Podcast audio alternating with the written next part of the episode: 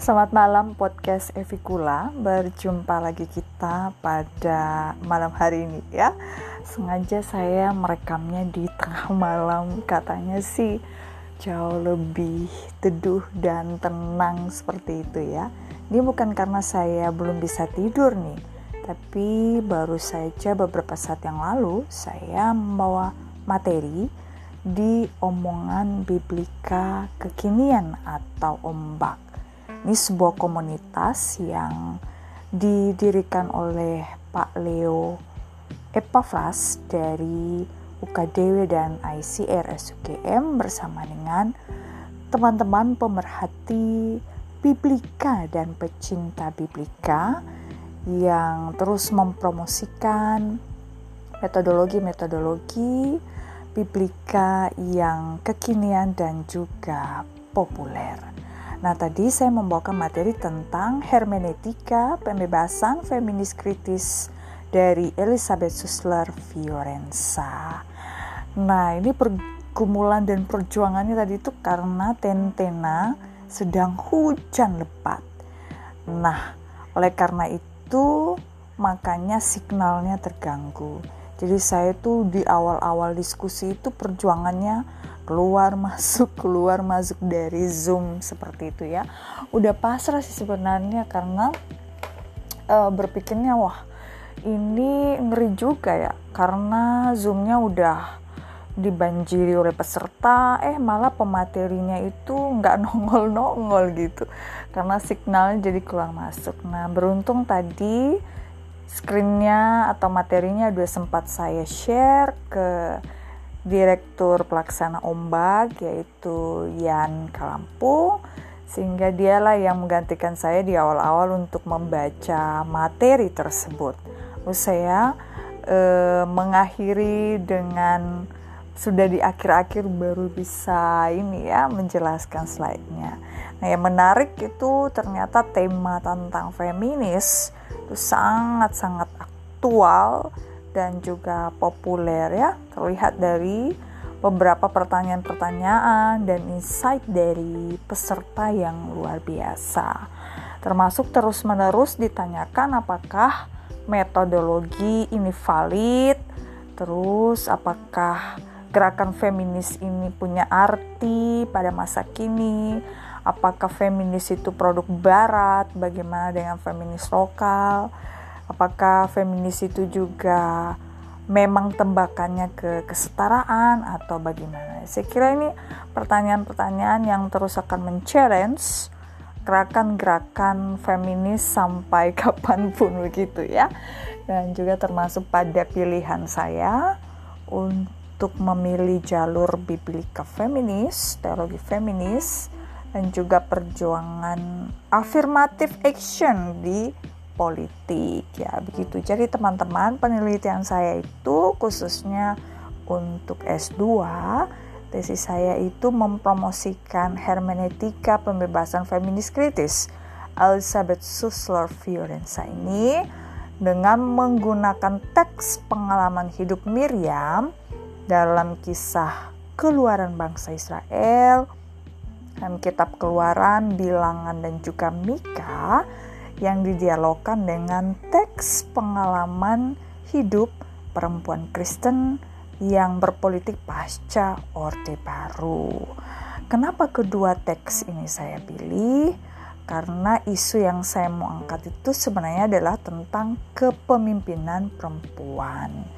Bahwa Miriam merupakan representasi kepemimpinan perempuan dalam perjanjian lama di Alkitab dan juga perempuan Kristen yang berpolitik pasca Orde Baru di Poso merepresentasi kepemimpinan perempuan di jalur politik praktis di Sulawesi Tengah khususnya di Kabupaten Poso. Nah, teman-teman eh, tadi yang saya sajikan itu hanya sedikit saja mewakili dari keseluruhan penelitian saya terkait dengan uh, penting dan perlunya kepemimpinan perempuan Kristen di masa kini. Seperti itu ya.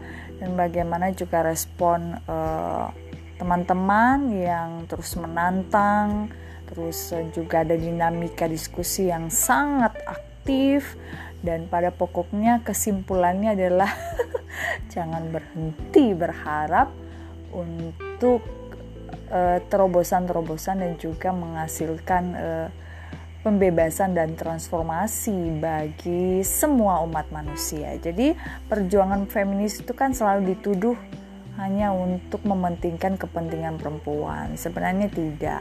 Jadi, perjuangan feminis itu bukan melawan laki-laki atau membela perempuan, tapi sebenarnya adalah membela kemanusiaan. Ketika Anda sudah membebaskan satu orang perempuan itu berarti juga membebaskan seluruh manusia. Jadi hermeneutika pembebasan feminis kritis ini sebenarnya dia berangkat dari pengalaman hidup perempuan. Nah tadi juga banyak ditanyakan sih pengalaman hidup yang bagaimana ya.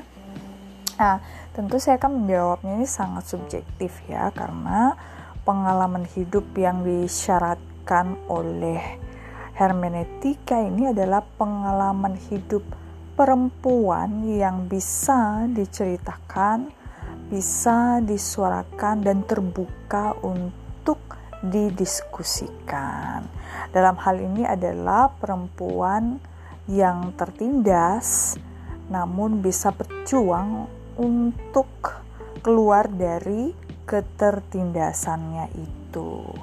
Dan di sini yang mau dipromosikan adalah bahwa kenyataan Alkitab itu adalah sumber penindasan masif secara sistemik dan struktural terhadap perempuan, tapi dia juga bisa menjadi sumber transformasi dan pembebasan bagi perempuan.